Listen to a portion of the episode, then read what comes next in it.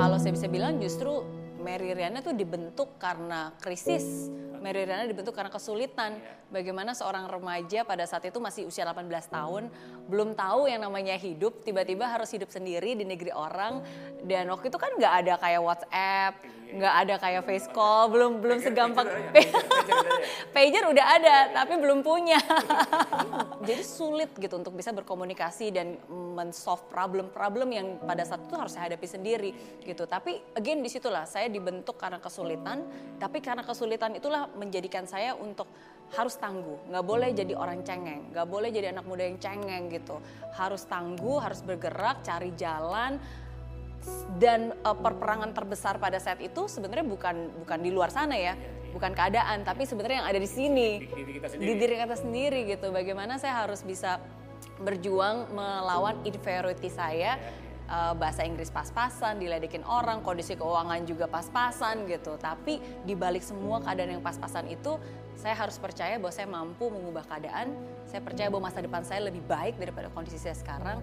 Dan itu sih yang akhirnya membentuk saya untuk menjadi orang yang tangguh, uh, yakin, percaya diri gitu. Kalau orang tahu pasti Mary Riana ingatnya si wanita sejuta dolar ya. Jadi pasti mungkin itu yang paling diingat. Bersyukur bisa dapat satu juta dolar pertama saya di usia 26 tahun waktu itu. Tapi itu didapatkan dengan susah payah sih. Uh, um, uh, banyak jat, banyak gagalnya juga ya kan. Se- Ketika saya mulai usaha di Singapura pun juga pernah ditipu orang juga pernah, uang saya dibawa kabur juga pernah gitu. Ada penipuan ada di mana aja gitu. Tapi uh, again itu bukan alasan untuk saya give up menyerah dan uh, ya udah gitu kan menyerah dengan keadaan gitu. Dan ya udah akhirnya saya berhasil um, lewat bisnis saya di Singapura di bidang jasa keuangan. Jadi uh, saya menjual produk-produk keuangan baik dari segi tabungan, deposito, asuransi, reksadana, kredit card, investasi dan lain sebagainya. Um, bukan anak dengan background bisnis Iya. karena saya kuliahnya teknik elektro. Tapi itu sih mungkin pencapaian yang uh, banyak orang kalau ingat Mary Rena ingatnya wanita sejuta dolar di Singapura pada saat itu. Karena saya sadar bahwa uh, sukses itu is not just about income, it's about impact. Bukan hanya currency tapi meng-create legacy, bukan hanya berapa banyak yang kita punya tapi apa yang kita lakukan dengan apa yang kita punya gitu. Menurut saya itu sih ya, yang penting. Uh, di mana saya sadar bahwa um, hidup itu bukan hanya tentang achievement. Iya. Ya, jadi kalau ada momen-momen di Singapura di mana saya ngerasa enaknya udah berhasil gitu kan. Eh, kalau ke restoran nggak perlu melihat pesan makanan nggak perlu ngeliat yang di sebelah kanan harganya ya kan. Bisa pesen Tinggal pesen tinggal gitu. pesen gitu kan. mau jalan-jalan juga bisa gitu kan. Banyak orang bilang enak banget gitu. Iya, Eh, memang enak dan saya juga bersyukur. Tapi ada momen, ada hari-hari di mana ketika saya bangun tidur, kok saya ngerasa lebih semangatan dulu ya ketika belum sukses dibandingkan ketika saya sudah berhasil.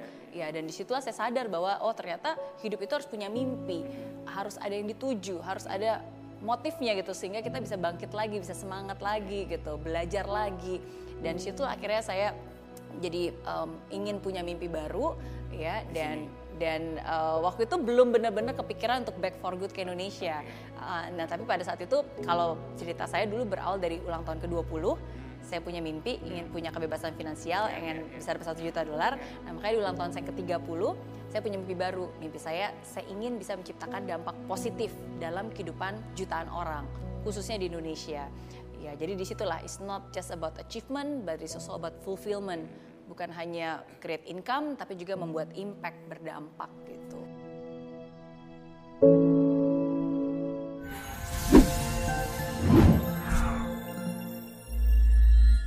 Di aplikasi Mary Riana tersedia lengkap video-video YouTube terbaru saya, artikel yang up to date, quotes inspirasi, koleksi merchandise, workshop dan seminar yang bisa kamu dapatkan free dan download sekarang juga gratis.